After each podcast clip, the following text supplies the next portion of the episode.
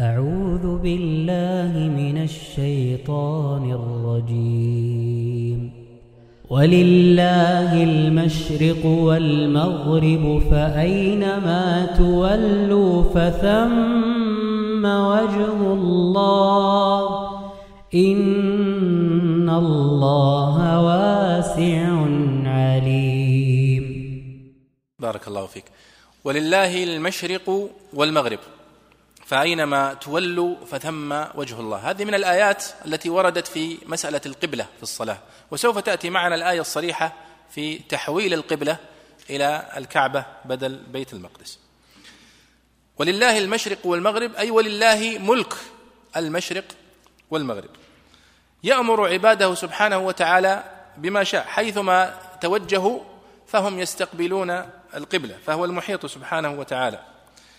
وهذه الآية يستدل بها العلماء على أن القبلة شرط من شروط الصلاة. أن القبلة شرط من شروط الصلاة. فلا تصح الصلاة إلا باستقبال القبلة.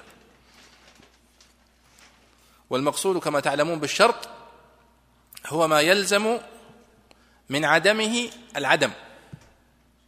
يعني الصلاة مثلا الآن شرط من شروط الصلاة الطهارة. هل يصح أن تصلي بدون طهارة؟ لا. لكن تطهرت. هل يجب عليك أن تصلي؟ لا لأنه يمكن تتوضأ في غير وقت الصلاة. ولذلك يقولون في تعريف الشرط هو ما يلزم من عدمه العدم ولا يلزم من وجوده وجود ولا عدم لذاته.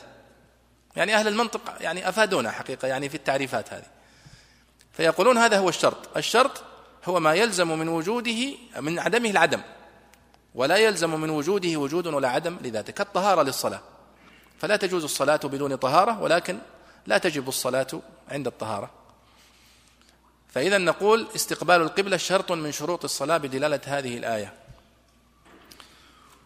ومن فوائدها أيضا أنه إذا صلى المصلي لغير القبلة اجتهد كان في سفر فاجتهد في معرفة القبلة فتبين له أنها في هذا الاتجاه فصلى. وبعد أن انتهى من الصلاة تبين له أنه أخطأ في اتجاه القبلة. فالحكم أنه ليس عليه إعادة الصلاة. ليس عليه إعادة الصلاة بدلالة هذه الآية.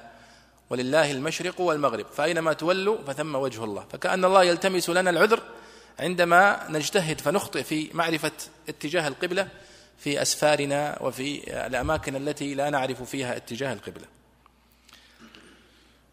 وطبعا استدل ذكر الشيخ صديق حسن خان أن من فوائد هذه الآية جواز النافلة على الراحلة في السفر. آه، أنه يجوز للمسافر وهو على راحلته أن يتنفل سواء كان متجها إلى القبلة أو غير متجه إلى القبلة. وهذا كما ثبت في الحديث وفي فعل النبي صلى الله عليه وسلم.